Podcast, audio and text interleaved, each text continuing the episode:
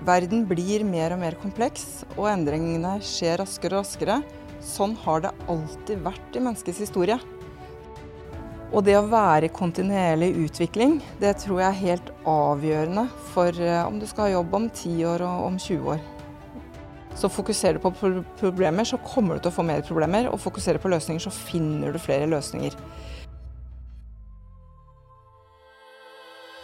Der det er mennesker, der er det historier.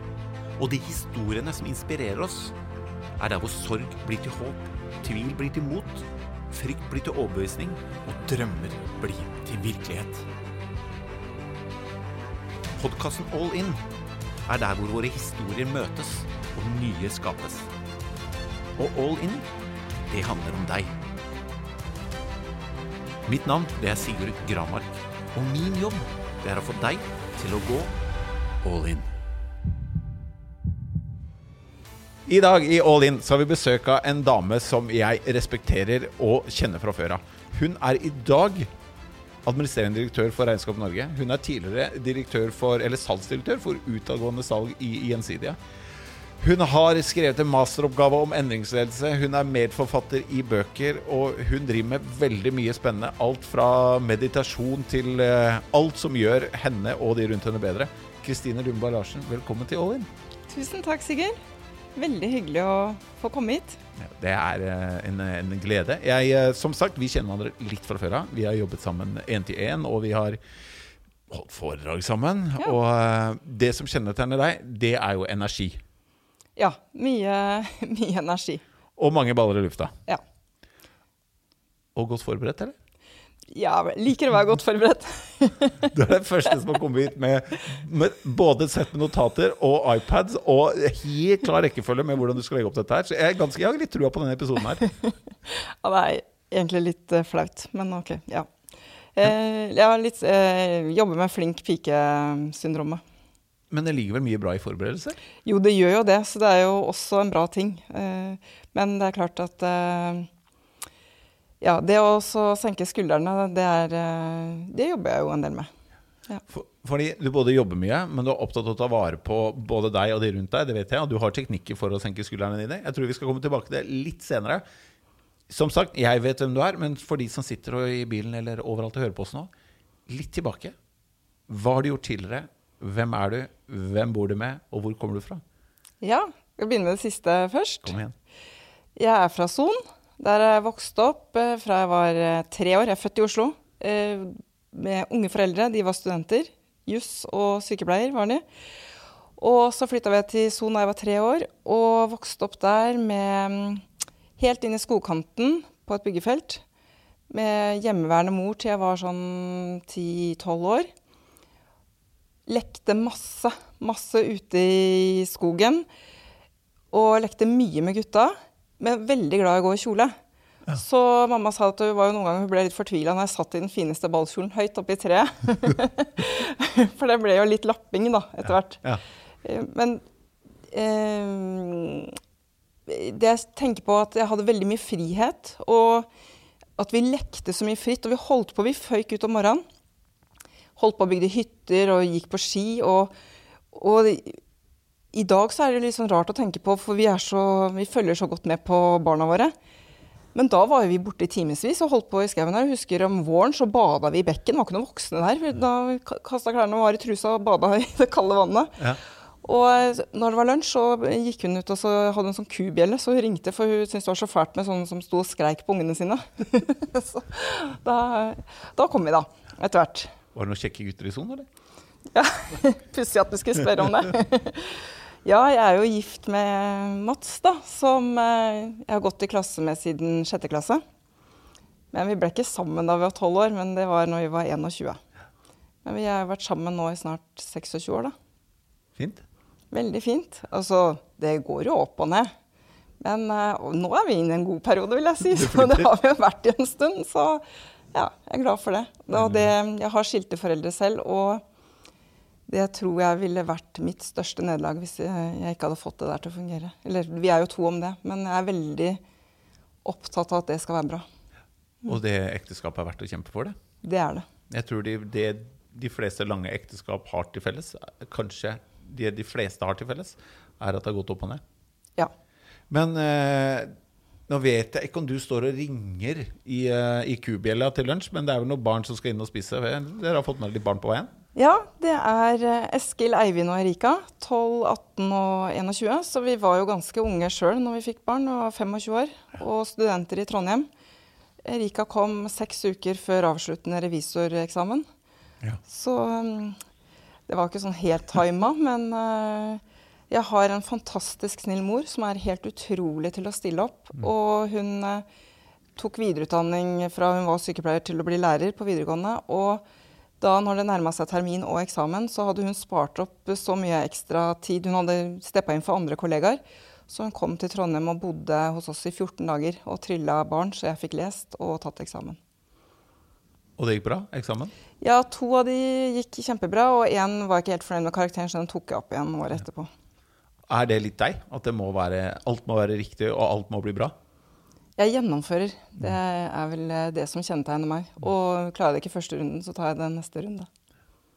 Og gjennomfører, det syns jeg um, det er, Når du sier 'jeg gjennomfører', så er det et trekk jeg kjenner godt ved deg. Eh, når du har satt deg noen fore, så gjennomfører du. Og noe du har gjennomført, da, det som jeg har lyst til at vi skal snakke om, eh, og som jeg tror blir en litt sånn tråd fram til vi går til The All-Ins, det er det som også kjennetegner lange ekteskaper, at vi endrer oss. Både hva som er viktig i ekteskapet, hva fokuset er på ektes i ekteskapet, og hva som skal til for at det skal holde nå og i fremtiden. Det må vi jo fylle med nye ting. Er du enig? Ja. Og arbeidslivet ditt de siste fem-seks årene, det har vært prega av endringer. Ja, enda lenger tilbake, vil si siste ti årene. Det har vært, eh, ikke hele tiden, men det har vært mye endringer å lede.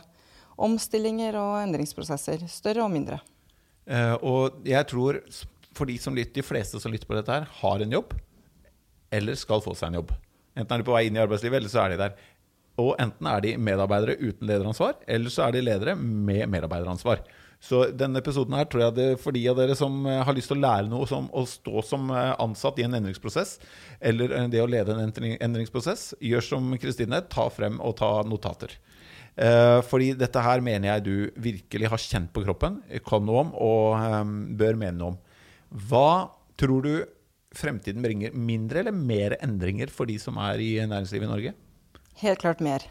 Og det at uh, verden blir mer og mer kompleks, og endringene skjer raskere og raskere, sånn har det alltid vært i menneskets historie. Så det at vi føler at nå går ting raskere, det har mennesker følt eh, siden tidenes morgen. Så det ligger litt i sakens natur. Og vi kan tenke noen ganger tenker jeg at det skal det aldri stoppe, og det gjør det nok ikke. Og det er sånn interessant når vi kikker tilbake. Jeg leste, Det var i forbindelse med at de bygde jernbanen i USA. Og da var det noen forskere som har funnet ut over 30 km i timen, det, det kan, så raskt kan ikke toget kjøre, for at da blir folk sinnssyke. Ja. Ikke sant? Og for da var jo referansen hvor fort går det når du sitter på en hest. Og, ja, så at vi har jo vent oss til farten mer og mer. Og, og det vi ser i næringslivet, er at der vi før kunne forberede oss, vi så at nå skjer det noe, vi må kanskje gjøre en endring, kunne forberede oss, kjøre en endringsprosess. Og så, kun, og så var vi liksom, avslutta vi den, og så kunne vi evaluere og liksom puste ut. Sånn er det jo ikke lenger, fordi at eh, midt mens du er i en uh, endringsprosess, så kommer en ny. Og så er du midt i den, så kommer en ny. Så det kommer sånn stabla oppå hverandre. Så det er Nå har jo jeg lest en del uh, ledelseslitteratur og mye om endringsledelse. Og jeg tror at det med Vi kan egentlig bare stryke endring, og det er det å være leder i dag, er nettopp det. Endringsledelse er ledelse. Ja. Ja. Vi har jo snakket om det her tidligere, og kanskje et mer positivt eh, uttrykk som du har brukt, er jo utvikling. Og det er kanskje mer positivt enn å bruke endring. Og det å være i kontinuerlig utvikling, det tror jeg er helt avgjørende for eh, om du skal ha jobb om 10 år og om 20 år. Ja, for jeg tar det helt tilbake til den samtalen vi hadde om eh, ekteskapet. At det lønner seg å utvikle seg sammen. Ja. Det gjelder. Men når det er på hjemmebane, så er det så selvfølgelig. For der føler vi at vi har mer valg. Men når vi kommer på jobb, så tror jeg det er naivt og at folk fortsatt tror at man har en del valg. For jeg tror ikke vi har så mange valg. Hva tenker du om det? Må vi være med, eller har vi et valg om vi vil være med og utvikle oss i jobben? Ja, det er jo bare å henge med, for det toget det går jo bare raskere og raskere. Så det er eh, Du kan jo velge å hoppe av og så gjøre noe helt annet. Det er jo et valg. Eh, og, så, mange, så, det svaret er både ja og nei, fordi at eh, i business så er svaret der har du ikke et valg, der må du bare henge med. Men du kan gjøre andre valg. Og det har jeg tenkt litt over. Jeg liker jo å jobbe og ha tre barn. Jeg med, har jo holdt på med hest veldig mye sånn, og, mm. og, trener og, og, sånn. Og får jo høre av andre at uh, nå kommer du til å møte veggen. Nå må du passe på. Hvor får du alle disse timene dine fra? Og det er nok fordi at vi er forskjellig skrudd sammen. Og jeg får jo energi av å gjøre ting, mens andre får energi av andre ting. Det som jeg tenker er viktig, er å se at man har valg. For jeg tror de som møter veggen, der har du resignert litt eller har mista kontroll over egen situasjon, eller tror selv at du har mista kontroll over egen situasjon. Og da, Det er en veldig eh, vond følelse, og da kan man eh, få, føle avmakt og bli passivisert og bare sliten og utbrent. Men vi har i vår del av verden alltid valg. Vi bor i Son, har et stort hus, båt, hytte. Det er klart at vi, eh, Mats og jeg vi må jobbe fulltid begge to. Det er et valg. Vi kunne ha bodd i en leilighet, i et rekkehus, eh, hatt én bil og kunne jobbet mindre. Og det der å kjenne etter at det her er faktisk et valg jeg gjør selv, og så tar jeg ansvar for det valget, det har jeg sånn tro på at styrker deg og mm. gjør deg mer robust enn at du Vi snakker om tidsklemma, for det er ikke i vår del av verden noen som klemmer rundt tida. Det eneste jeg kan, eh, Er du aleneforsørger med barn, så, så skjønner, da, det er slitsomt, særlig med små barn. Men hvis vi skal snakke om hva er faktisk tidsklemma, da tenker jeg på hvis du har jobba og stått på hele dagen, og barnet ditt fortsatt må legge seg sulten, da mm. har du tidsklemme. Da har ikke tiden strekket til. Det er, det er et sterkt bilde på det, altså. Ja, jeg er helt enig. Så vi har flere valg enn vi kanskje ser. Men i en, uh, visse stillinger, hvis du vil stå i stillingen, og, og, ikke stå i, men utvikle stillingen, og være med videre i, den, uh, i, det selskapet du har, og være med å utvikle det, så må du være med. Ja. ja. Og for de som uh, Det er jo flest, heldigvis, medarbeidere. En medarbeider som opplever, og det enten opplever de det akkurat nå, har opplevd det, eller kommer til å oppleve endringer i jobben sin. Hvis du skal gi noen tips, da, du som har ledet ekstremt mange gjennom dette her. Hvordan bør en medie Ofte så er det sånn ledertips, endringsledelse. Mm. Men jeg tror like det burde vært endringsmedarbeidere, kurs i det. Mm. hvordan bør medarbeidere kall det angripe eller, eller eh, motta endringsprosesser? Ja, og det, eh, da kan vi snakke litt om endringens natur, eller hva betyr det? Og det at det skjer en endring, betyr jo at vi skal slutte å gjøre noe Eh, og så skal vi gjøre noe nytt. Det er mye læring i det, men det som er forskjellen fra barn da, som går på skolen, så lærer de noe nytt for første gang. Så det er hele tiden ny, ny kompetanse de lærer. Men for oss voksne så skal vi avlære noe gammelt. Og så skal vi lære noe nytt. Og det er mye mer krevende. For vi har ofte blitt veldig gode i en måte å jobbe på. Rutiner, arbeidsprosesser, hvordan vi samhandler med kollegaene. Og så må vi og verktøy vi bruker. Systemer osv. Og, og så må vi slutte å gjøre det. Og jo mer du er identifisert med jobben din, og det at du mestrer og er god i det, jo vondere er det rett og slett å slutte å, å gjøre det. Og begynne å gjøre noe annet som du ikke mestrer med en gang. Og som du pleier å si, det der å tørre å Eller akseptere at du ikke er eh, på topp 100% med en gang, men eh, kløner litt og prøver og feiler. Eh, det er, det er, noe av det som er mest krevende. Og vi, og vi, vet nå så mye om hva som skjer med mennesker i endring, enten det er på jobb eller det kan være det skjer noe i familien, altså fra sorgarbeidet. Og da er det de der fasene vi går igjennom fra Først er det sånn sjokk og vantro, nei det skjer ikke, og jeg vil ikke være med. ikke sant? til eh, det at man sørger over det man har mistet, enten det er en venn eller en familie eller, eller noe på jobben. ikke sant? Kollegaer eller uh, oppgaver. Eh, og så kan det være litt sånn eh, Noen blir sinte, noen blir lei seg, og, og, det er en sånn prosess på det. Og så gradvis over i det vi kaller nyorientering. Da, At man ser, begynner å orientere seg i hva, hvordan skal jeg løse det her. Ja. Og det jeg tenker som medarbeider når du står midt i eller får beskjed om at nå skal vi omstille og vi skal omorganisere f.eks. Det å være bevisst hvor er jeg selv nå i, i denne endringskurven, som vi kaller det. da. Eh, og hvor er kollegaene mine, og hva slags kollega vil jeg være? Når jeg har en kollega som eh, graver seg ned, skal jeg ta en spade og grave sammen med den, eller skal jeg hive ned tauet og, og, og, trekke den opp? Og eh, det der å se hva kan jeg gjøre sjøl, og hvordan kan jeg bidra til omgivelsene mine, det tror jeg kan òg gi veldig mestringsfølelse i en krevende situasjon. Eh, jeg er helt enig. Og eh, for å oppsummere litt det du sa, det første det med å um, slutte å gjøre. Og det syns jeg dere, vi, eller dere som er medarbeidere og som ikke har ansvaret for prosessen, spør gjerne ledelsen hva skal ut.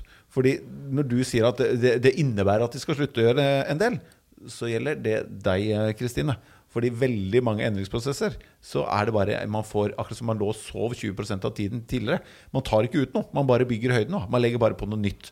Så det kan det være, det tror jeg du som eh, medarbeider og som leder sier regelen er noe må ut.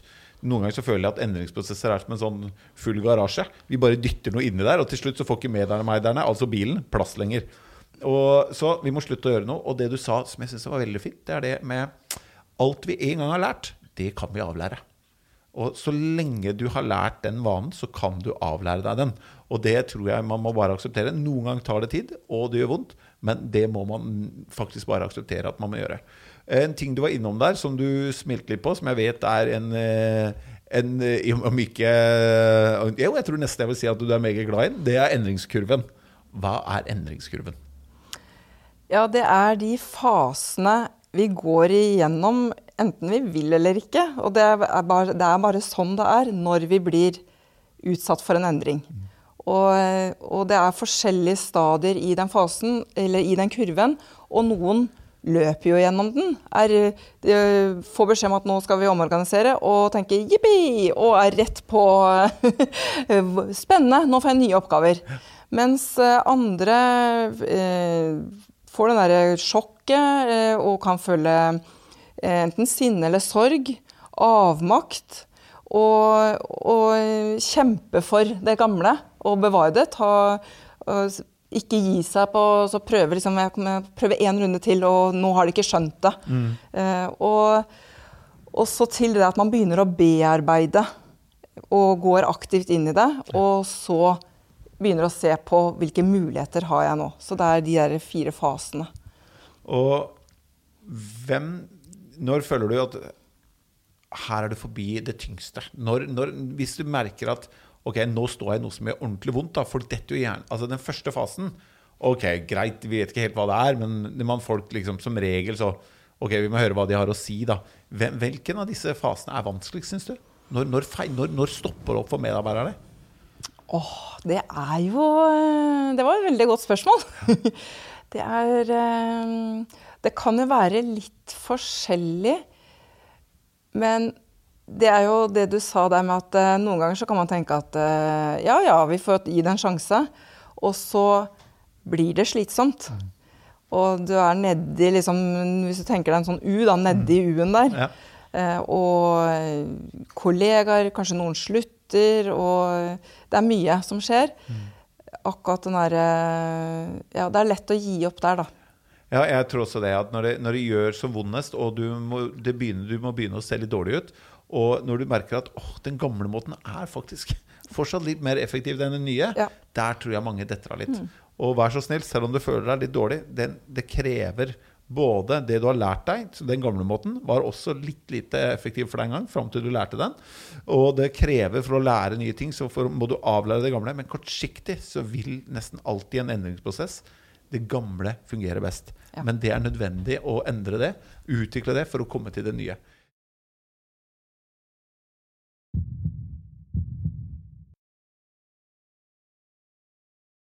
Hva er den fremste feilen en medarbeider som lever i et eller jobber i et selskap som skal lykkes med endring, kan gjøre? Og så si at nei, jeg vil ikke være med. Og så tro at det går. For det går ikke når det er eh, Altså, vi er jo veldig gode i Norge på å kjøre involverende prosesser. og folk får si meningen sin, og så er det på et tidspunkt så blir en beslutning tatt. Og det er kjempefint å kjempe for sin sak hele veien frem til beslutningen er tatt. Men der jeg ser at en del går seg bort, er når beslutningen er tatt, og så fortsetter man å kjempe. Eh, og da kaster du bort så utrolig mye krefter og energi, både for deg selv og kollegaene dine, på å kjempe for noe som er beslutta. Det er bare å kaste energi ut av vinduet. Og så holde fokus på det jeg faktisk kan påvirke. Hva er rammebetingelser, og hva er det jeg kan påvirke? Og det endrer seg jo i en sånn i, i en utviklingsprosess. Og det å holde fokus på det jeg faktisk kan gjøre noe med. Og det er jo veldig mye ens egen innstilling og og det vet jo du, at det er tanker, følelser og handlinger. Det er jo alltid den rekkefølgen der. Det begynner med en tanke som gir en eller annen følelse, og som resulterer i en handling. Og det er jo ofte følelsen vi blir oppmerksom på, enten at jeg kjenner meg oppstemt eller nedstemt eller sint eller ja, et eller annet. Men det å lytte innover når det blir mye følelser, og lytte etter hva er det jeg sier til meg selv nå. Hvilke tanker er det som kverner? Hvis jeg føler meg dårlig en dag, ikke mestrer, og eh, selvtilliten er på bånn, hva, hva, er det jeg sitter og sier til meg selv nå? Mm. Og det der er litt sånn uh, trening, men når du først gir det oppmerksomhet så, og blir bevisste, så er det utrolig kraft i det der å bli oppmerksom på tankene sine. Det du først sa i forhold til når beslutningen er tatt, jeg er så enig. Utfordr gjerne ledelsen. Utfordr eh, teamlederen din, avdelingslederen din, administrerende på ting i prosessen frem til det er bestemt. Når det, eller når det er besluttet. Da må du være med. Vi hadde Birgit Skarstein her, eh, og hun fortalte at når det ble eh, besluttet at det skulle ro 2000 meter istedenfor 1000, så blei det hennes største konkurransefordel. Fordi de konkurrentene hennes brukte så mye tid å kjempe mot Roforbundet da, at de skulle fortsatt ha 1000, men hun begynte å trene på 2000 meter med en gang. Så hun fikk liksom et halvt år med trening før de skjønte at oi, vi får ikke gjort om beslutningen. Nei, Nei da må vi være med, da. Og var, de, da var hun bare mye flinkere enn de andre. Så evnen til å snu seg, og det tror jeg handler om vilje. Viljen til å snu seg når beslutningen er tatt. Og når beslutningen er tatt, det du sier om, om følelser og altså, den kommunikasjonsmodellen du, du, du, Vi hører noe eller ser noe, kommer en tanke. Og det er jo da i følelsene vi roter det til. ikke sant? Det, fleste, det meste som går gærent, er jo når, når følelsene setter i gang. Og det er jo den hvilken følelser du knytter til fakta. Så det er jo ikke fakta som avgjør, det er hvilke følelser du knytter til det. Mm. Og hvis du går hele tiden og tenker at ledelsen er en gjeng med idioter ja. Noen ganger så er det det. Det er jo sjelden. Men uh, noen ganger så lurer jo folk også på Gjør man dette her bare for å være vrange. Mm. Er det på jævelskap, liksom? Det kan ikke mene at vi skal endre det sånn. Da er det sannsynligvis at du ikke har fått med deg nok fakta. Da er det lurt, istedenfor å stå i følelsene og gjøre veldig mye dårlige valg og snakke veldig mye eh, ting som ikke er verken bra for deg eller kollegaer, og spørre mm. til ledelsen igjen. Har jeg forstått det riktig? Er det dette her vi ønsker å gjøre? Ja. Mm. Er det noe du kan være med på? Slutt. Er det noe du kan jobbe med og bli med på? Start med en gang. Helt enig. Hvis vi går over til ledere, da, som er kanskje din enda mer eh, Hvor ekspertisen din er enda sterkere. God endringsledelse. Fortell. Ja, eh, bare sånn bro over fra det vi nettopp snakket om, er, eh, som jeg bare kom på nå, er det du fokuserer på, får du mer av. Mm. Det gjelder jo både ledere og medarbeidere. Så fokuserer du på problemer, så kommer du til å få mer problemer. Og fokuserer på løsninger, så finner du flere løsninger. Og det er litt sånn den gamle Når vi hadde FM-radio og så skrudde på den der når vi skulle finne frekvensen. Altså er du på en positiv eller negativ frekvens, vi har, har jo det ordtaket der å stå opp med det galt bein. Mm. Og en sånn dag hvor du eh, I dag sto jeg opp med galt bein, og du bare fokuserer på alt det negative, så blir det en innmari dårlig dag. Mm. Og, men eh, motsatt av den dagen hvor du bare spretter ut av senga og kjenner at det er min dag i dag, så blir det en utrolig bra dag. Og den der kraften i det, da, det tenker jeg er eh, Jeg har så lyst til å formidle ut til både ledere og medarbeidere. For det, ja. Jeg er helt enig. Det, altså, jeg sa det seinest på det All In Academy for en gruppe med ganske flinke ledere. Men vi snakker om dette med gode og dårlige dager, og vi har jo det. Og der er jeg ganske hard. Jeg sier ikke at det er rett, men jeg sier det er ikke noen ungdomsskole. Altså. Du har ikke rett til å komme på jobben og i dårlig humør og litt sur for at du har en litt sånn dårlig dag. Jeg har stått opp med feil bein. Det sa jeg også i tidligere jobber jeg, som jeg har leda i selskapet. Jeg sier da kan du ringe. Så kan du si du, jeg har stått opp med feil bein i dag, så jeg kommer ikke. Og da har vi et større problem enn at du har stått opp med feil bein. Altså. Men kollegaene dine og kollegaskapet og arbeidsplass og det vi sammen skal skape, er langt viktigere enn at du kan si at du har stått opp med et dårlig bein. Mm. Når du fake it till you make it, når du kommer på jobb, smil, skap noen andre følelser, og la som det blir i to minutter, så henger du med. Ja. For det, det, er akkurat den derre stått opp med feil bein i dag, det, jeg har nulltoleranse for det. Ja. Er jeg for hard, syns du? Nei, jeg syns det er helt uh, nydelig. Ja. Det er uh, rene ord for penga. Ja, jeg syns det må være sånn, i hvert fall. Ja. Fordi uh, vi skal skape noe bra sammen. Og ledere som skaper noe bra gjennom endring, hvordan gjør de det? Ja, altså jeg har jo ledet endring og utvikling i forskjellige situasjoner. Fra jeg har ledet et område hvor jeg bygde opp noe fra scratch, hvor det var bare noen ansatte, og vi skulle ansette flere, og lage alt, rutiner og alt. Det var én måte. Eh, jeg har ledet en enhet som gjorde det veldig dårlig, som vi snudde og økte omsetningen med 23 eh, på to år. Men der hvor det var allerede en viss erkjennelse av at det her, det her går ikke bra. Eh, fordi de lå dårligst an på alle, alle sånne parametere som de ble målt på. Til å skulle lede noe som et område som satte salgsrekord det ene året, og så skulle vi kjøre fire parallelle endringsprosesser det neste året. Eh, og, mm, og et, eh, et, miljø som var veldig eh, Hadde vært veldig det samme over veldig mange år, og med veldig sterke fagpersoner, som var fornøyd med sånn ting var. Og det er kanskje en av de største barrierene mot endring, det er denne selvtilfredsheten. Er det den der 'bra er bedres verste fiende', eller? Ja, ja. Det, ja, ikke sant. Ja, jeg måtte bare tygge litt. Mm. ja. Eh, når, du, når, du, er eh, Og det kan være mange måter at man havner altså, Årsaker til at man havner der, men sånn klassisk er at eh, man er ikke nok opptatt av tilbakemelding fra kundene, f.eks. Um, sammenligner seg med konkurrenter som gjør det dårligere. Uh, feirer litt sånn middelmådige prestasjoner. Det er mange sånn, og ledere som overdriver, eh, og så var det egentlig ikke så bra, men man har så lyst til å skape god stemning, og så lager man masse hallois ut av noe som egentlig var eh, som passer bra. Som egentlig sementerer og bekrefter den posisjonen at det her er det bra, og, det og da er man lite endringsvillig. Så det, så det starter jo med det derre Jeg tror ikke du kommer unna at du må ha et visst momentum for endring. Altså, og det er mange måter å få til det på, men, eh, og det er liksom å stikke fingeren i jorda. Eller å klare å beskrive et fremtidsbilde og forklare hvorfor. Og det er kjempekrevende. Og det jeg har erfart selv, at eh, det var en, den, eh, der hvor vi skulle gjennomføre fire parallelle endringsprosesser. Vi hadde På høsten hadde vi medarbeidersamlinger, workshops. Vi snakket om eh, det her var fintech ikke sant? tilbake i 2014-2015. Det blir masse digitale løsninger, og det kommer utfordrere i markedet. Vi må endre oss. og og så kom vi til 1.1 og skulle implementere nytt system, eh, ny organisering, ny arbeidsmetodikk og ny bonusmodell for selgere. Ja. på en gang. Og eh, det gikk jo ikke sånn kjempebra i starten, det, skal sies, men vi, vi, kom i mål til sommeren, så hadde vi jo gjennomført 100% Men eh, da jeg, jeg, som leder trodde at vi var godt forberedt, eh, til at jeg skjønte at vi var ikke godt nok forberedt, og det læringen min er at fire parallelle endringsprosesser. Det var nok litt vel. Vi ble litt sånn ivrige for at den nye teknologien muliggjorde det andre, men vi kunne hatt litt mer is i magen. Det er én ting.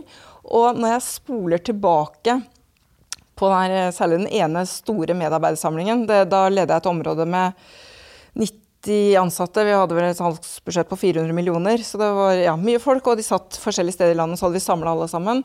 Og hvor uh, jeg sto på scenen, og min leder som satt i konsernledelsen, sto på scenen. Og eh, når jeg ser på det i retroperspektiv, så, og tar liksom perspektiv fra salen, så tror jeg det ble mer sånn stumfilm. Altså det står noen damer der og snakker, og så tror jeg de fikk med seg kanskje de fem første minuttene. Og så begynte kverna å gå. Hva betyr det for meg? Mister jeg jobben? Og en av vi var veldig tydelige på at ingen skulle miste jobben. Det var ikke en sånn omstilling.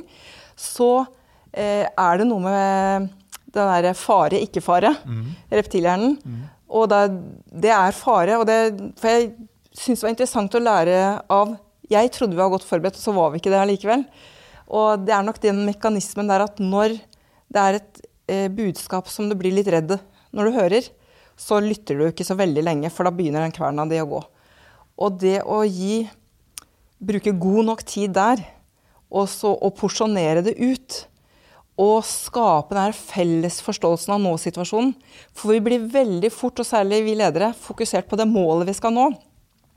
Men hvis vi skal seile til Bergen, og du befinner deg i Trondheim og jeg befinner meg på Lindesnes, så er det helt ulik kurs. Så vi må bli enige om hvor vi er hen før vi legger utpå. Og det er kanskje det viktigste. Første bud da er kanskje ikke enn for mye på en gang. Fire løp kan være mye. Gjør det som er håndterbart. To, eh, er det da Vær tydelig på hvor vi er. Ja. Er folk stort sett av din erfaring Og her kan du bare mene, da. Ja. Du trenger ikke vise til forskning engang. Nei. Men er vi flinke til å være ærlige med hvor vi er? Nei, det er jeg usikker på. det, er, eh, det er veldig fristende å rosemale situasjonen litt, for det gjør vondt da, å si at eh, ja, det, den, ene, den, den, enheten som jeg leda en snuoperasjon den gangen eh, De første månedene så husker jeg vi kjørte SWOT-analyser, og vi holdt på med tiltak og medarbeiderworkshops og sånn, men det rant liksom bare ut i sanda. Og det var fordi at det var noe med kulturen som gjorde at det egentlig, uansett hvilket initiativ du satte i gang, så ble det ikke noe av. Og eh, når jeg kom, hadde vært i den jobben i ca. et halvt år og, og skjønte at det her kan vi bare holde på og holde på, det kommer ikke til å skje noen ting. Og da var det sånn, jeg tenkte at nå må jeg bare si det som det er. Og det å stå på scenen der, og det er 50 ansatte foran meg, og si at sånn her oppfatter jeg kulturen. At vi sier én ting i møter, gjør noe annet eh, når vi går ut. Vi sier ikke ting som det er. Det er baksnakking, det er klikker osv. osv. Eh, det, altså det var så vondt, mm. og jeg hadde så hjertebank, og det var helt stille i salen. Men det som skjedde etterpå, jeg, og det var jo helt stille da, og så spurte jeg hva tenker dere? Er, er liksom er vi på, er, Stemmer den beskrivelsen? Og da ble det mye nikking, og så var det sikkert noen som var mer enige enn andre. Men det ble i hvert fall en sånn felles Og, var, og tallene var jo tydelige, og så får liksom Det jo, hjelper jo, da. Når du eh, så, du gjort undersøkelse på dette, eller, eller var det salgstallene du viser til da?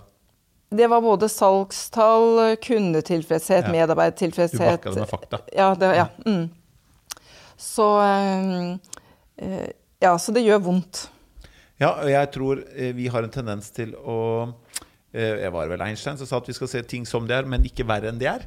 Men så tror jeg også pga. vi har våre agendaer og våre ansvarsområder, og det er så vondt å si at jeg har feilet. Eller, derfor er det ofte lettere å komme inn som ny leder. ikke sant? Du kan ta, Dette er dårlig, men det, det var ikke meg. Men de som leder også, jeg tror vi skal våge å si at her er vi. Det er så bra vi er akkurat nå.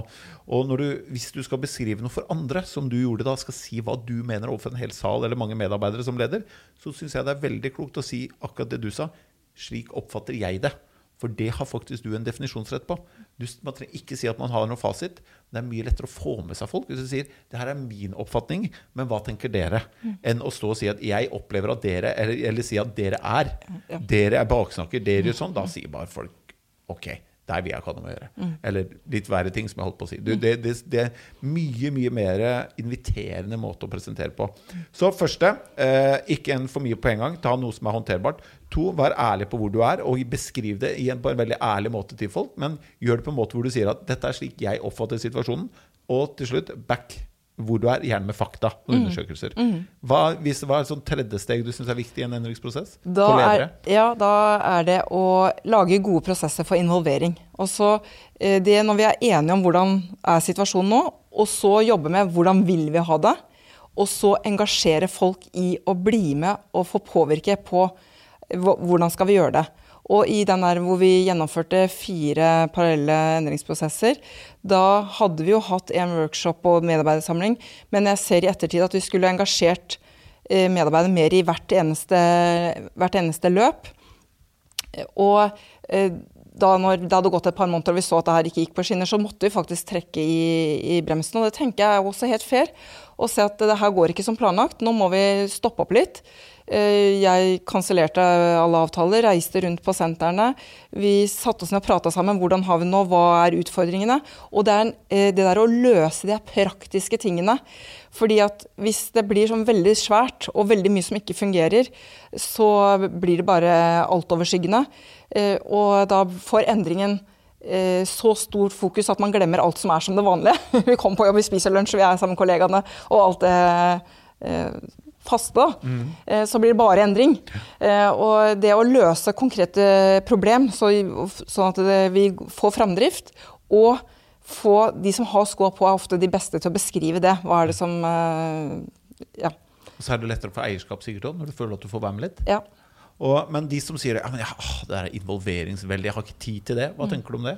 Ja, og det har jo jeg blitt utfordra på tidligere òg, at uh, skal du bruke så lang tid, kan du ikke gjøre det raskere. Min erfaring er jo da at uh, hvis du bruker litt mer tid innledningsvis og involverer, så bruker du i sum eh, kortere tid.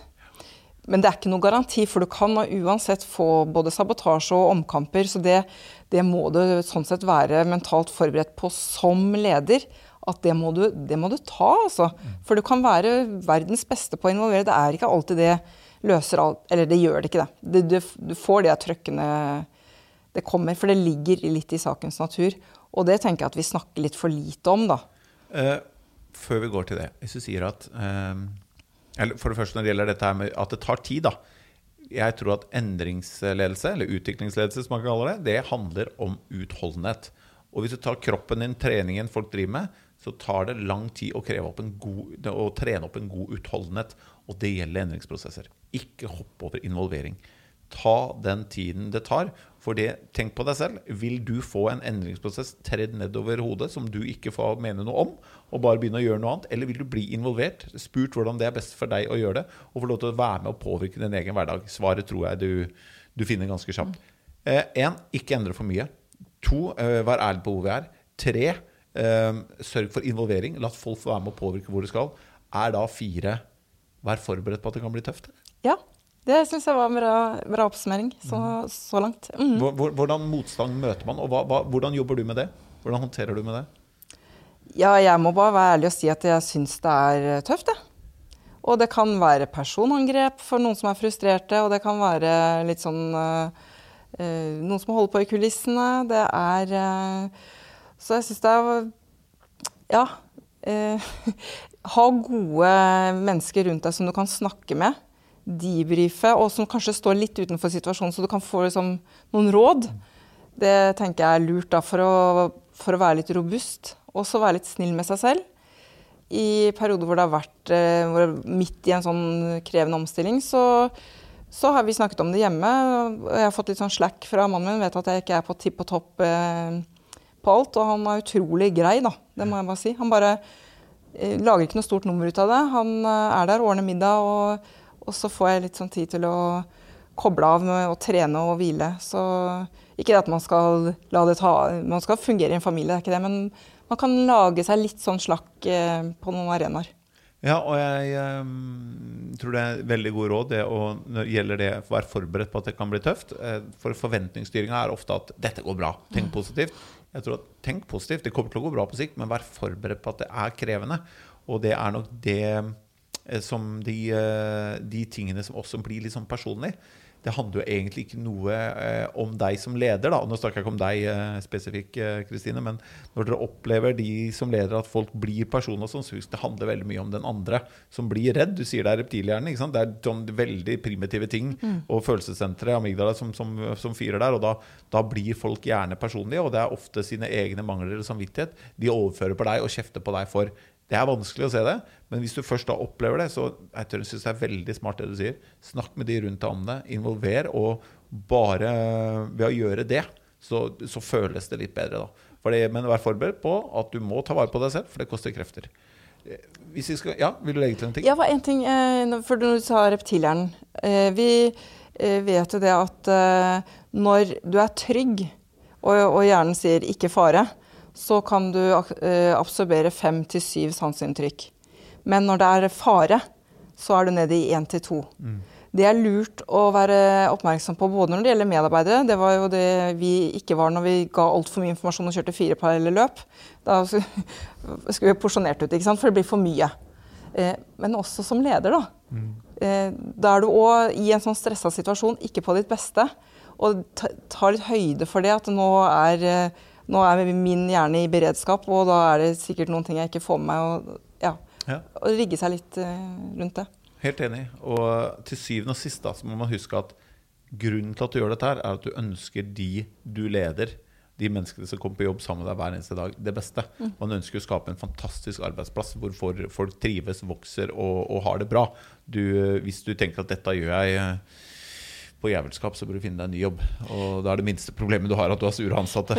Eh, hvis er det, når vi da sier at eh, fjerde trinnet var det, var forberedt på at det kan være tøft, er det et femte? Jeg tenker det å feire seier underveis. Nå snakket vi i sted om at eh, ikke la den selvtilfredsheten eh, bli for stor, og det er, kan hindre sånn for eh, endring innledningsvis. Men det når du har runda noen sånne rundingsbøyer, eller ikke overkommet noen sånne barrierer, det å virkelig se den enkelte gi ros og anerkjennelse, og det å anerkjenne at jeg skjønner at det er tøft for deg, tåle at folk er nedi den der endringskurven. For det er også krevende som leder å se at andre ikke har det bra, og du har faktisk vært med å rigga situasjonen sånn at det er blitt sånn. Det å tåle det, bare være der og gi og feire de der delmålene, for det gir litt sånn piff til å gå videre. Helt enig. Nå tar ikke jeg notater, da, men hvis du blir med meg der og sier at én er eh, den der ikke endre for mye, to er vær ærlig på hvor du er, tre er eh, sørg for høy grad involvering, fire er eh, vær forberedt på at det kan bli tøft. Uh, fem er uh, uh, vær til stede, anerkjenn, gi ros, feil små seire. Med en gang du ser en ny type atferd, istedenfor hele tida å korrigere det som du ikke liker. Hold fokus på at når du ser du gjør noe nytt, vær der og skryt av det. Eh, skal vi tørre oss på Hva oppsummerer dette her? Hva er det vi må ha som Jo, og eh, bare Nummer én er jo momentum og felles forståelse. Ja. Ja. Momentum og felles forståelse i bånn. Eh, ja. Eh, og eh, eh, hvis det er noe sjette, har vi noe mål? Er det noe viktig med mål? Retning? Ja, det er jo viktig med en tydelig retning og, og, og helt klare mål, sånn at vi kan sjekke at vi er på, på vei dit vi skal. Eh, og så er jo en sånn fallgruve å, å bli fornøyd for tidlig. Og tenke at nå er, det, nå er jobben gjort. Og så Ja. liksom Det var det. Og så detter man tilbake igjen. Og det må jeg si, det står det for lite om i, i ledelsesbøker. Men for meg som jobber med forskjellige ledere, og for du som har leda dette her, altså, det er kanskje noe av det tøffere du har stått i, eller? Ja. Det å, å ha utholdenhet og holde trykket oppe til det faktisk har blitt en del av kulturen. Til at, alt det nye har blitt den måten vi gjør det på her hos oss. Eh, Og det skjer ikke fra en måned til en annen måned. Det tar tid. Og så eh, og der også er det Kan du gjøre det raskere? Kan du gjøre det raskere? Men noen ganger så må vi jo akseptere at det tar tid. Jeg tror Marit Breivik sa en gang at hun brukte tre år på å etablere en ny kultur i håndballandslaget. Så god tid har vi gjerne ikke i næringslivet, men, eh, men det tar tid. Og, og det er det å holde fokuset og trykket oppe til det er blitt en del av kulturen, og ikke gi seg for tidlig. Det er som det, avslutningen er for at det blir en suksess. da. Ja, og det kan nesten ta inn under dette her med at forvent at, det, eh, forvent at det blir tungt eller tøft. Kan du også legge inn forvent tilbakefall. Ja. For sånn er vi jo av mennesker. Eller som mennesker når vi skal etablere nye vaner. Så det medfører jo et visst antall eh, steg, tilbake. Uansett om vi skal opp i vekt eller ned i vekt eller røyke mer eller røyke mindre. Det, det, det, det krever det, eh, absolutt. Hvor, hvor viktig er, eh, er mål? Hvor viktig er tydelighet i mål og kommunikasjonen av mål? Det tenker jeg er helt avgjørende, for hvis ikke vi vet hvor vi skal hen sammen, så går det jo til alle retninger. Og det har jeg erfart at det er utrolig kraft i det når vi drar mot samme målet. Og all energien blir putta mot et, punkt, et felles punkt der fremme. Så kan det skje helt fantastiske ting som du ikke hadde sett for deg. Og det er eh, litt den der, der hvor vi økte omsetningen med 23 på, på under to år. Og det var det der å få det der målet og alle det var så alle mann til pumpene. og, og, det engasjementet, da. Så, og jeg, hele min ledelsesfilosofi bygger jo på at engasjerte og glade medarbeidere og ledere, det gir fornøyde kunder. Og det blir bra butikk. I den rekkefølgen. Og, og så det sånn, går det sånn pil tilbake fra bra butikk til glade fornøyde. For det, du, blir, du får det bedre på jobb når du presterer bedre. Men mange har for mye fokus på å sitte og telle og måle bra butikk. Mens der du skaper eh, energi eh, og gullet, ligger jo i den første. Det med engasjerte og glade mennesker. Og eh, det ser man jo også på Vi har jo blitt veldig sånn moderne med den lykkeforskningen. ikke sant? Eh, hvor lykkelig er du i alle mulige situasjoner, og hvor lykkelig er du på jobb? Og I starten så, så målte man jo i hvilken grad folk var tilfreds. Men det som har pekt seg ut da, som den viktigste driveren for hvor lykkelig du er på jobb, er i hvilken grad du er engasjert, positivt kobla på, bryr deg om jobben din, kollegaene dine, kundene dine, arbeidsgiveren din. Da får du det bra. Og det har det jo som sagt blitt forska mye på, men vi har jo han eh, Arne Næss senior, mm. vår eh, den gamle filosofen. Nå lever han jo ikke lenger. Han eh, lagde jo det han kalte trivselsligningen. Glød ganger glød delt på fysisk og psykisk smerte, det er lik trivsel. Og så er det veldig lett, og særlig i en sånn endringsprosess eller en omstilling, å fokusere på fysisk og psykisk smerte. Nå er det stress, og det er tidsklemme, og det er høye skuldre osv. Men hvis du fokuserer mer på glød, så kan du tåle at det er litt røft. Glød ganger glød delt på fysisk og psykisk smerte, det er lik trivsel. Og hvis du putter noe tall, så kan du eh, modellere og leke litt med den. Det er ganske morsomt, for du ganger opp da glød ganger glød. Og ved å putte på der, så Nå må du huske at du er revisor. Ja. Jeg er tidligere skoselger. ja. Så du begynner med ganger opp og ja, teller ja, og nevner. Det kan være litt vanskelig bilde. Ja, dette her kan vi Fortell. Ta den litt enklere. Glød ganger glød, del på fysisk og psykisk eh, smerte, er lik trivsel. Ja.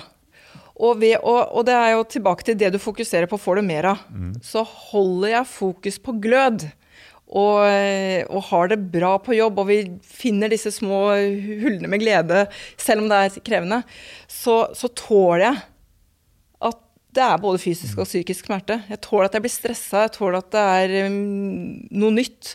At jeg ikke kan gjøre sånn som jeg har gjort det før. Men ved å ha det engasjementet og fokuset på det, så kan jeg likevel ha det bra. da. Ja, helt enig. Altså, han var en smart mann, altså. Ja. Og det som er gøy da, med det som er i andre enden, hvis folk er med på utviklingsprosesser i jobb, og utvikler seg, er at jeg syns jo det virker jo som om det er Arne Næss eller om det er Kåre Willoch eller en del altså folk, Noen blir jo bare klokere og klokere. Og det er jo det man aller helst skal bli etter en prosess. er det ikke? Etter man er ferdig med en endrings... Uh, ja, Ordet prosess er så dårlig, men man blir jo man bruker det. Man en, etter at et selskap har vært igjennom en sånn prosess, et sånn endringsprosjekt, så skal vi jo være klokere, ha det bedre. Det er vel det overordna målet for alle, vel? Ja, vi har jo lært noe nytt. Og vi løser ting på en bedre måte. Og så har vi ofte også lært noe nytt om hverandre og blitt uh, mer kjent med uh, hva man står for. Uh, hvor er grensene? Jeg er ikke så redd for konflikt, fordi at konflikt er mye energi, forutsatt at du løser det på en god måte. Men i det er ingen som eh, Eller er kanskje noen, men jeg ser ikke for meg at du klarer å skape en veldig stor konflikt om du har appelsinjuice fra Sunniva eller fra Eldorado eller sånn. Det, men når du eh, kommer inn på ting som er viktig for folk, da er man jo villig til å ta en kamp. Og sånn sett så kan man se det positivt ved at eh, man tar en kamp. At nå lærer jeg noe om det mennesket, hva det står for, og hva han er villig til å kjempe for. Og det er veldig fint, da, for da mm. blir vi bedre kjent også. Og så kan vi bruke det til noe positivt. Og det er jo der det virkelig kan krasje litt òg, hvis det går på, på, tross av verdigrunnlaget. Ja. Og det tror jeg altså folk kan si, at hvis du ikke kan stå for det verdigrunnlaget til selskapet etterpå, så kan man bare slutte. Men sjelden at selskaper endrer seg til det, da. Men hvis vi sier nå, nå har vi tatt medarbeidere, vi har tatt ledere i, i, på mer generelt nivå. Hvordan utvikler du deg, da? Som leder? Hva, hva, hva sørger for at du tar de stegene? Hvordan jobber du med det? Ja, jeg er jo eh, interessert i å eh, hele tiden bli en bedre utgave av meg selv. Og, eh, og, det å lære av eh, det som har gått bra, og der hvor det ikke har gått bra, hva kunne jeg gjort eh, annerledes? Fordi min grunn til at jeg er leder, er jo fordi at jeg har lyst til å påvirke, skape noe sammen med andre. Og, og hjelpe folk til å utvikle seg og overkomme mest, uh, utfordringer, få mestring. Og det er det aller, aller morsomste som leder, er jo nettopp det å se at folk vokser. Og takler nye utfordringer og utvikler seg. Det, jo, det er så utrolig gøy. Og for meg, da, å, å, å, få oppleve det, så må jeg også som eh, menneske og leder hele tiden utvikle meg og prøve å bli en bedre utgave av meg selv. Og jeg har et bilde av det. Ta et piano og ta tangentene. Altså, I starten jeg var ny som leder, så spilte jeg bare på de tangentene på midten. Jeg hadde liksom gått på skolen og hadde lært noe, gått noen lederkurs, og så var det de tangentene jeg brukte. Men eh, etter hvert som jeg får erfaringer og jeg Eh, er opptatt av å lese en del litteratur, både ledelseslitteratur og annen litteratur. Snakke med andre mennesker. Gå på forelesninger, seminarer. I en sånn passe balanse, da. Men så ser jeg at eh, det, de tangentene Jeg får flere og flere tangenter å spille på. Mm. Og, det, og det noen ganger så blir jeg sånn oppgitt, for jeg syns det tar litt lang tid. Altså Jeg vet det mentalt, men så reagerer jeg på den dumme måten som jeg gjorde forrige gang òg. Og det er sånn at to skritt frem og ett tilbake. Men det å kjenne at jeg får et større register å spille på Jeg trenger ikke hver gang når det skjer, så Når A skjer, så, så gjør jeg B. Jeg kan velge å gjøre C og D og E. Og det gir jo utrolig Det oppleves som veldig eh, stimulerende, mm. rett og slett. Ja, det skjønner jeg. Og vi hadde selveste prinsesse Märtha Louise her i eh, en episode. Og hun eh, Helt fantastiske dame. Men hun sa jo det at eh, hun har trent piano i ti år, og hun ble aldri flink til å spille piano, for det lå ikke for henne. Men kan alle trene seg til å bli gode ledere? Tror du det? Åh, oh, det var et vanskelig spørsmål. Jeg tror ikke noen er sånn Jeg tror ikke på den der at du er født til å bli leder. Det tror jeg ikke noe på. Eh, fordi at eh, du trenger en del kunnskap om hvordan mennesker fungerer, og, ja, og mye struktur og orden. Nå snakker vi mye om de myke tingene, men ja, nå kjenner jo du meg, så du vet Eller ja, det vinkelhodet du pleier å snakke om. Mm. jeg, jeg, er veldig mye struktur, og det er en forutsetning for å gjennomføre og stå løpet ut. Er eh, Excel-ark, avsjekk, krysse ut, følge opp. Eh, og det er bare å stå i det og stå i det eh, og ikke gi seg. Så ja, jeg tror at uh, det er ikke noe sånn Det er ikke én formel for å være god leder, fordi at vi har ulike styrker. Men det er den bevisstheten rundt hva er mine styrker, og hvordan kan jeg bruke det i lederskapet mitt. Det er kanskje det viktigste. Ja. Og jeg ser, for nå har jeg ledet for, veldig forskjellige områder, fra veldig sånn, fagtungt miljø til utadrettet salg. Så det er veldig Og, det, og jeg ser at det, nøkkelen her er å forstå hva er oppgaven som skal løses, hva er oppgavens karakter? Er det liksom å gå i dybden, eller er det kjapp-kjapp? Hvordan er de medarbeiderne? Hva er deres identitet? Hva er kulturen? Hvordan ser de seg selv? Og hvem er jeg som leder med mine styrker og svakheter? Og min filosofi, det jeg tror på? Og så spille ut lederskapet sitt innenfor det. Så det er jo i den bevisstheten. Så da vil jeg jo kunne si at det er ikke noen som er noe mer naturgitt andre. Men er, du må lære det som andre ting. Og så må du ville det, for det er på mange måter et livsvalg. Ja. Jeg um, tror ikke jeg skal prøve å oppsummere det, for um, jeg er veldig enig. Jeg sier eh, de dårligste lederne, de er av. Altså den der glød ganger glød, det er ingen glød. Eh, og så sier jeg de mellomste lederne, de har glød. Altså de er på. De er på hele tiden. Og så mener jeg at de beste lederne er veldig gode til å være på, og så er de kjempegode til å være av. Altså egentlig, Det jeg mener med å være av, er egentlig å koble seg på livet. Mm. Altså koble seg på noe som er viktig for det, eller et sted de henter energi. Eh, jeg vet jo at du er relativt ivrig i jobben. Men du, jeg vet også eh, gjennom vårt samarbeid at du har et sted hvor du henter krefter. Mm. Hvordan skaper du energi? Hvordan skaper du glød? Hvordan sørger du for at du har overskudd og drive? Ja, eh, og der igjen så er det ikke noe sånn én formel for det, for det tror jeg hver enkelt må finne i seg selv.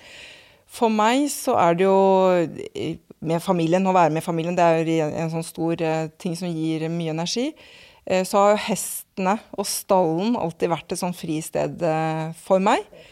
Og der hvor jeg kobler helt av.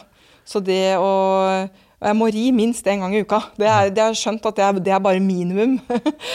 sånn, for da jeg trenger det det, det, gir meg. Eh, og så er det um, yoga og meditasjon eller trening. Um, men jeg er helt enig i at uh, det å koble av med det man kobler av med, mm. det, er, um, det er helt avgjørende for å fungere. Og det tror jeg ikke er sånn som gjelder bare ledere. Det gjelder ja, hvis du har en jobb hvor du presterer eh, og skal ha det bra med deg selv. Ja.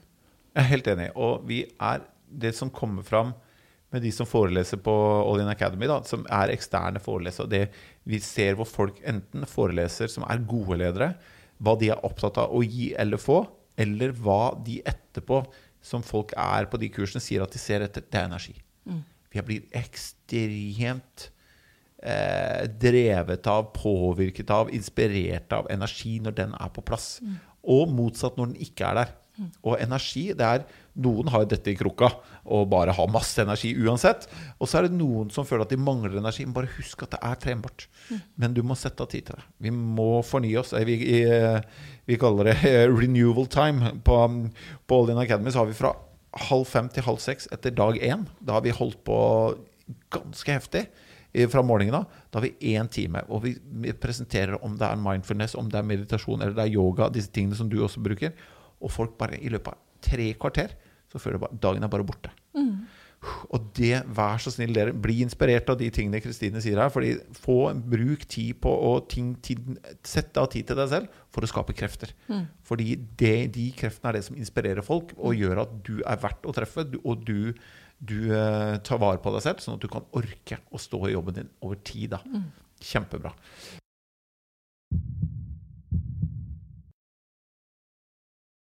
Vi har noe i den podkasten som heter det All Ins. Ja. Du kjenner de litt? ja, jeg har jo hørt på noen. du har hørt på noen. Og eh, hvilke spørsmål skulle du ønske at jeg spurte deg om? Er det noe jeg har glemt, eller? Eh,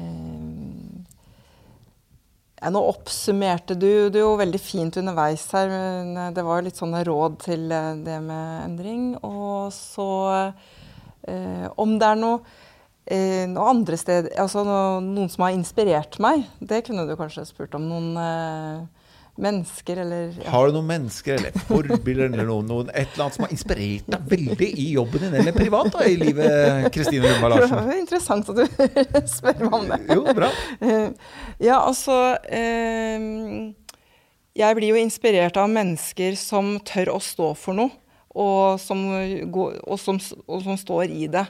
Eh, og du nevnte prinsesse Märtha. Eh, hun eh, Jeg har jo drevet med hester, da, og jeg har vært på den rideskolen etter henne i, England. Og jeg tror også hun fikk mye energi av å drive med hester. De visste jo ikke at hun var prinsesse engang, de som hadde vært der sammen med henne. Men det at Og man kan ha ulike meninger om hva hun sier, men bare det der at hun tør å gå den derre løypa For det er et bilde på, på, det er eh, en som har inspirert meg mye, som heter Irene Nygårdsvik. Som, eh, som jobber med eh, verdighetens økonomi. det blir litt sånn filosofisk her. Men hun har et bilde på det med Se for deg en sånn fjellvidde, du skal ut og gå på ski. Og så er det noen som har tråkka opp et spor der.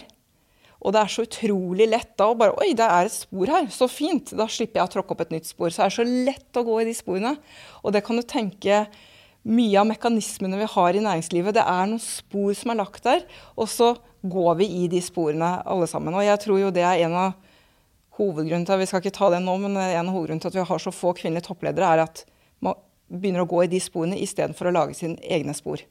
Og det er mennesker som tråkker opp de sporene, og som tør å vike av fra den mainstreamen, det gir meg utrolig mye inspirasjon. Og det å lese Det er, vært, er, mange kloke mennesker som mm. lever nå, og som har levd. Og det å kunne lese sånn filosofi Vi nevnte um, om trivselslinjen, Arne Næss. Mm. Eh, Søren Kirkegård, som eh, bl.a. Eh, skrev mye om fordoblelsen. Det du gjør mot andre, gjør du samtidig mot deg selv. Og det å filosofere over hva betyr det egentlig? At det jeg gjør mot andre, det gjør jeg samtidig mot meg selv. Hvis jeg snakker negativt om en annen person, så gjør jeg meg selv til en baksnakker, f.eks. Hvis jeg hjelper en uh, kollega, så gjør jeg meg selv til en hjelpsom person. Det ligger utrolig mye styrke i. Så det, det, blir jeg veldig fascinert og tiltrukket av mennesker som tenker nye tanker, og som tør å tenke nytt. da. Den fordobbelsen til Søren Kirkegård, den uh, bør folk uh, søke opp. Jeg er helt enig. Og det du sa med Märtha Louise og disse to sporene, Altså egentlig flere hundre år før prinsesse Märtha Louise ble født, så ble det bestemt hvilken vei og hvilket spor hun skulle gå i. De ble lagt, de ble fryst, det ble lagt trikkeskinner for henne. Men hun valgte å, å ikke følge de. Så veldig godt eksempel på å tørre å våge å gå sine egne veier. Hva er du redd for? Jeg er eh, ikke redd for så veldig mye, men det, hvis det skulle skje noe med noen eh, Med barna mine eller med Mats eller eh, mamma, stefaren min. Mm. De nære. De Det er uh, Og svigermor, selvfølgelig. og svigermor. Ja, ja. Uh, og svigerfar. Eh, og så er jeg Du vet at jeg holder på mye med nå med økonomi og bærekraft. Og det at Jeg kan jo ta meg selv i å ligge og gruble litt over det at nå vet vi så mye som vi ikke visste da vi rigga økonomien sånn som vi har rigga den nå, eh, på starten av 1900-tallet. Og vi, vi vet så mye om konsekvensen av den økonomiske aktiviteten. Og da kan jeg bli litt redd for at selv om vi vet at vi ikke gjør noe med det Jeg var jo, eller har jo vært på flere av dine foredrag. Anbefales på det sterkeste. Og en av de tingene jeg ble helt sjokkert over, var når du presenterte Hvis vi fortsetter å utvinne naturressursene, metaller og gull og alt, i den farta vi gjør nå, husker du noe av de tallene? Hvor, hvor, hvor kort tid det er til det er tomt? Ja, det er eh, sink og sølv og kobber er tomt innen 15 år, er det vel, og gull innen 20 år. Så innen 20 år så er de fire metallene Da er det tomt alle jordas kjente ressurser av det. Da er det ikke mer igjen. Det er, det er så sjukt fakta, det, som jeg tror veldig få er klar over. Hva drømmer du om? Jeg, eh, da er vi inne på det temaet her, da. Fordi det å koble økonomi og bærekraft og lage en, en ny økonomi Og jeg jobber jo da mye med sirkulær økonomi. Det å ta vare på materialene og ikke kaste dem, men modifisere, reparere, gjenbruke, la det gå inn i, som ressurser i nye produksjonssykluser. Det, ja, det drømmer jeg om. Og, og at vi klarer oss å skape en felles forståelse, og vi klarer å omstille og fortsatt kunne ha økonomisk vekst og et godt sted å være. Hvor, eh, og ta vare på jorda vår. Hørtes litt sånn derre Og så ønsker jeg meg fred nå. Nei, jeg syns det er veldig bra, fordi jeg er så opptatt av at folk skal drømme. Jeg, jeg merka det selv i perioder i livet, så har jeg slutta å drømme om ting. Og folk må drømme, altså. Vær så snill, dere. Drøm om du altså, Drøm like stort som det du gjør. Vi må drømme. Ja, og nå leder jo jeg Regnskap Norge, og vi, den regnskapsbransjen står midt i den digitale omstillingen. Og så ser vi samtidig at er, er nå, For er det redd, veldig eh, lett å bli redd ikke sant? og bli passiv. For nå blir mye automatisert over kunstig intelligens. Men samtidig er det vi trenger noen som holder orden på ting. Som lager struktur, som dokumenterer, rapporterer, pass, utvikler regelverket. Og, så nå tenker jeg at nå er det litt eh, vår tid, vi som har holdt på. du vet, Jeg har jo holdt på med revisjon, forsikring og, og regnskap. Det er liksom mine bransjer, da. Kul dame. Men det er jo Nå er, tror jeg vår tid er for å liksom tre ut av den litt dølle skyggen. For vi trengs. Og det for meg som leder en bransjeorganisasjon, det å se medlemmene midt i en digital omstilling begynne å orientere seg for nye minutter, og hvordan kan vi faktisk gjøre noe bra ut av det at vi slipper å gjøre så mye rutineoppgaver for å bli automatisert. Og da, jo mer teknologi vi tar i bruk, jo mer kan vi mennesker rendyrke det vi mennesker er spesielt gode på. Og der ligger det sånn fantastisk mulighetsrom. Og det er lov å drømme for sine ansatte. Og jeg, eh, det du sier at det er en tid for oss, vi som er, holder orden på ting, for de som holder orden på ting og er strukturerte. Så kan man si at du er relativt strukturert, fordi neste spørsmål er hvem er din drømmegjest? Og her hadde du med deg en liste, forslag på seks. Ja. Så jeg pleier å si at eh, de må velge én, men jeg lurer på om du skal få lov å få det unntaket å velge to. OK. okay. Kan jeg få lese opp til seks? Eh, ja, ja, Ja. fordi da må du droppe fire. Ja. Så kom igjen. Det var uh, Brené Brown. Ja. Um, Katrine Aspaas. Ja. Veldig bra. Hun kjenner jeg lite grann. Veldig flott dame. Herlig dame. Anders Innseth. Eh, min bror, eh, en av mine brødre, han er filosof og forfatter. Jon Eirik Lundberg, København. København. Katrine Barth, som er eh, virkelig geriljakrigeren for sirkulær økonomi. Og eh, Kristel Rosenkilde Christensen, som jobber med mye med det med meditasjon og intuisjon og det å finne svarene i seg selv. Og Kristel har jo til og med du satt meg i kontakt med. Mm. Og hun har også vært i kontakt med min datter Sara, som jeg er ganske sikker på hadde vært enig i at hun burde vært her. Ja. To. Da Det er vanskelig, da, men eh, jeg tror Kristel er en sånn uh, drømmegjest. Uh, og så eh, jeg syns ja, Jeg ønsker meg jo alle, da, men kanskje Katrine Aspås da som eh, den andre. Katrine Aspås og um, Kristel Rosenkilde, er det det man sier? Ja. Eh, De to skal vi invitere. Og eh, det er jo lettere når jeg kjenner begge to litt fra før av. da. Eh, hvis du må droppe alt du gjør i dag, bortsett fra én ting som du må gå all in med, hva er det? Da ville jeg vært uh, all in på bærekraft. All in på bærekraft. ja, mm. Hvorfor? Eh, Fordi at eh, jeg ser så utrolig mange muligheter for å lage gode løsninger. Og både klare å ha økonomisk vekst og aktivitet, og ta vare på klimaet klima og jorden vår. Og ja, da ville jeg vært all in på det. Det er et veldig bra svar. Eh, en person i verden som du kan bestemme at skal gå all in på noe du bestemmer hva er. Hvem er personen, og hva skal personen gjøre? Eh, ja, det Og syns jo jeg statsministeren vår er en utrolig kul dame. Veldig eh, inspirert av henne. Eh, og, eh, og hun er en smart og klok dame. Så eh, da ville jeg at hun skulle vært all in på omstilling til sirkulær økonomi. Det. Den har vi aldri hatt her før. Eh, 20 sekunder. Hva er sirkulær økonomi? Sirkulær økonomi det er at vi eh, går fra den lineære modellen, som er å eh, ta ut eh, råmaterialer, videreforedle, bruke og kaste, til at vi tar ut råmaterialer, videreforedler, bruker, men så beholder vi materialene i, i flyten. Vi kaster det ikke. Så da får vi ikke null avfall, men veldig lite avfall, fordi at vi bruker materialene enten ved at vi reparerer, modifiserer, lar det gå inn i nye produksjonssykluser og, så, eh, og kan resirkulere. Så det er mange måter å bevare materialene på, men det er nettopp det å holde de råvarene som vi har tillagt masse verdi, i flyten. Og bare eksempelet du hadde med de, eh, de eh, sink og, og Ja. gull og sølv og alt, hvor, hvor lite faktisk materiale det er igjen, er den beste grunn. Og hvis du tar med miljøaspektet også, så, så er det um, veldig klokt. Og sirkulær økonomi vet jeg du brenner for, så det kommer vi til å høre mer om. Ja. Siste spørsmål. Hva er din definisjon på å gå all in? Det er når du eh, bretter opp arma og tar på litt eh, skylappene. Man skal ikke miste sidesynet, men du har et skarpt fokus. Og så fokuserer du veldig på den, eh, den oppgaven du skal gjøre. Og så eh, er det mye gøy å holde på med, men det er faktisk å velge bort en del ting. Og så kjører du på i, på det du vil få til, det målet du har satt deg. Da er du all in.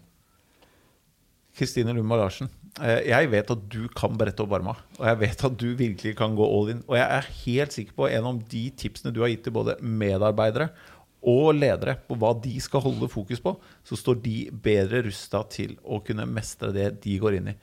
Jeg er veldig spent og gleder meg til å fortsette å følge deg både med det du skal skape der du er nå, og din, eh, ditt engasjement for eh, bærekraft og sirkulær økonomi.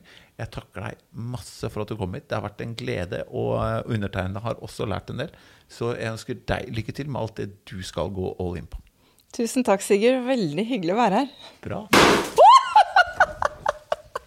Jeg visste jo egentlig at han her kom, men så skapte jeg likevel. Er det mulig? All in det handler om å inspirere folk til å gjøre det de drømmer om. I hver episode er målet å introdusere deg for mennesker som gjennom sine historier og forhåpentligvis gode, konkrete råd skal hjelpe deg til å uke etter uke gjøre det som kreves for at du skal lykkes. All in det handler fortsatt om deg. Og hvem som skal hjelpe deg på veien, det kan du være med å bestemme. Gå inn på All In Sigurd Gramark på Facebook eller Instagram og send oss en melding med det som er din drømmegjest. Så skal vi gjøre det vi kan for å få hun eller han hit. Liker du denne podkasten, så setter vi stor pris på om du kan gå inn og rate oss på iTunes. Det vil hjelpe oss å få dine drømmegjester hit i fremtiden. Og vil du vite mer om det å gå all in, så kan du gå inn på allin.no. Der får du vite om det All In Academy, du får vite om foredrag, du har bøker der, og du har masse materiale som vil inspirere deg. Tusen takk for at du lytter på podkasten All In.